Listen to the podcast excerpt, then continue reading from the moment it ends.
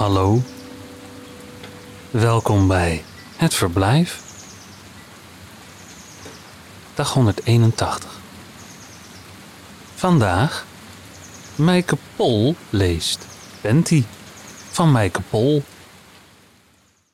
De oude villa stond in een duinpan, beschut door hoge zandduinen.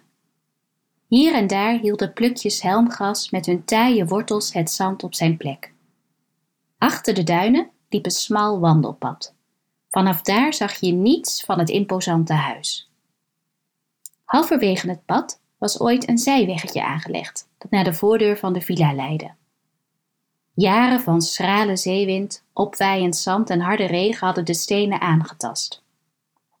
Er zaten gaten in het pad en het gebeurde maar zelden dat iemand daar kwam. Honden liepen er wel. Op weg naar hun dagelijkse stranduitje bakenden zij hun territorium af en lieten hun drol achter. Het liefst op dezelfde plek. Zo ontstonden er hoopjes, die na verloop van tijd zo hard werden dat het leek alsof hier en daar keien omhoog waren gestuwd. Aangezien de villa niet bewoond, maar alleen verhuurd werd, hoefde de postbode van het kleine dorp er nooit te zijn. Hij bezorgde dagelijks alle post voor de mensen in Oost-Duinkerkenbad, het deel van het dorp dat direct aan zee lag en waar ook de villa stond. Rijke Belgen hadden hier een appartement voor in de weekenden. De eigenaar van de duinvilla was een oudere man. De mensen uit het dorp kenden hem alleen van gezicht. Zijn rug was krom gegroeid als gevolg van een zeldzame ziekte. Al op zijn zestiende kon hij niet meer rechtop staan. Sinds enkele jaren paste zijn bochel bij zijn leeftijd, iets wat hem grote rust gebracht had. Een gesprek over zijn vergoeiing was hij altijd uit de weg gegaan. Slechts één keer had hij erover gesproken met de dochter van een huurder uit Nederland. Het kleine meisje was op een middag naast hem gaan lopen toen hij over het pad richting zijn auto liep. Zoekt u iets? De oude man had zo goed en zo kwaad als het kon zijn hoofd naar links gedraaid. Het meisje tuurde ingespannen naar de grond, haar handjes achter haar rug, alsof ze aan het schaatsen was. En in plaats van stug door te stappen, zoals de man meestal deed wanneer iemand met hem sprak, bleef hij nu staan. Ik kan niet rechtop lopen. Even was het stil. De oude man zag het jonge brein hard nadenken. Ze duwde een paar seconden later haar kleine handje onder zijn gezicht. Ik ben Sandra, zei ze. De ontmoeting was het begin van jaarlijkse gesprekken waarin hij haar alle geheimen van het dorp en de villa vertelde. Bijna alle luxe duinhuizen werden verhuurd door plaatselijke agentschappen. In de zomer zorgden ze voor de nodige drukte in het dorp. Maar nu, in het laagseizoen, zag men maar weinig mensen.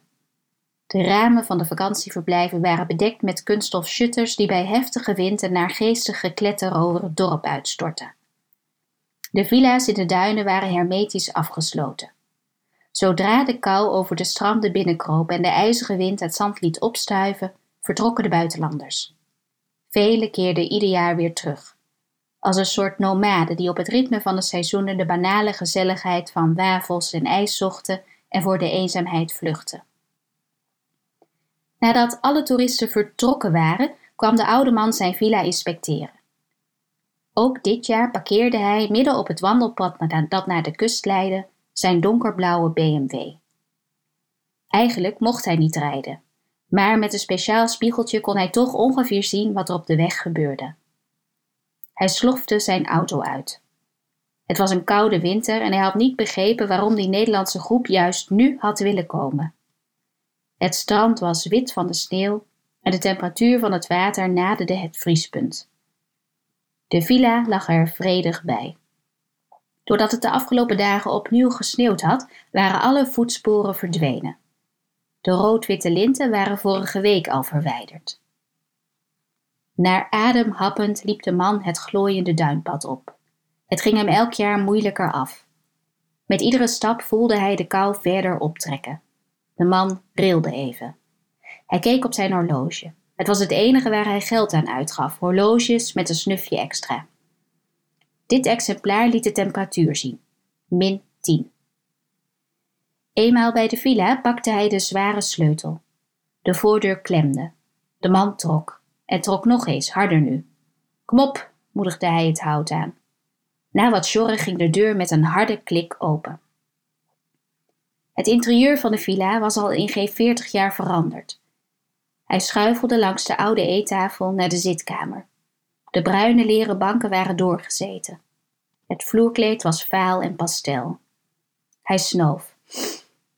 Biefstuk, ui en champignons.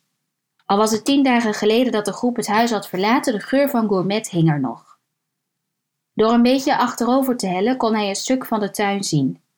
Hij kneep zijn ogen samen en bewoog zijn gezicht van links naar rechts.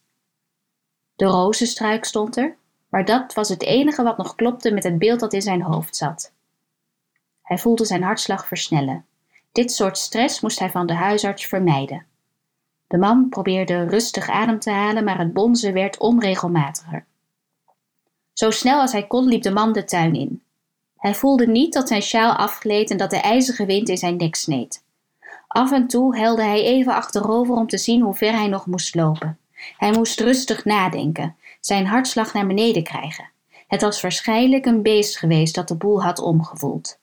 Kalm aan, mompelde hij tegen zichzelf. In een rustiger tempo liep hij naar de struik toe. Hij keek en zag dat het hout anders lag, alsof iemand het in grote haast teruggegooid had. Hij duwde de blokken opzij. Het luik was afgedekt met een laag, donkere aarde. Zijn adem stokte. Donkere aarde. Hier was iemand geweest, dat kon niet anders. Nonde, vloekte de man. Iemand had aan zijn spullen gezeten. Met zijn handen wreef hij de aarde weg, driftiger nu, alsof hij haast had. Het metalen luik verscheen. De zware ring waarmee je het kon verwijderen zat er nog aan. Hij schoof de metalen pal opzij en verzamelde al zijn kracht. Het trekken ging moeilijk, het ding was idioot zwaar. Ah! schreeuwde de man, zoals hij tennissers wel eens had horen doen. De steken in zijn rug werden heviger. Hij trok nog eens. Pas bij de derde poging lukte het. Hij tuurde naar beneden, maar kon niets zien. Uit zijn zak haalde hij een aansteker. Hij hield het vlammetje zo ver mogelijk in het zwarte gat. De man ging op zijn knieën zitten. Zo kon hij met zijn rechterhand op de rand van het gat steunen. Zijn broek raakte doorweekt van de ijskoude sneeuw, maar de man voelde het niet. Hij hield zijn adem in en liet het vlammetje dieper zakken. En toen zag hij het. Ju!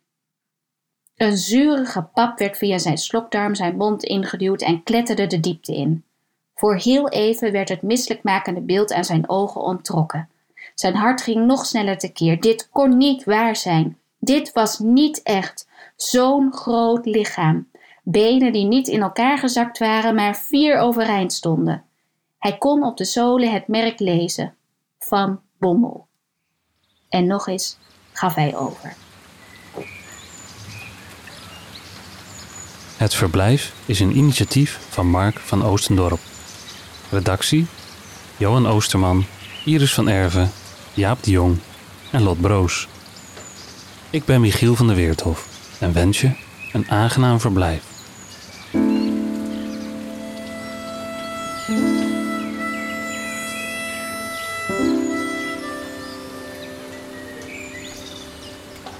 Tot morgen.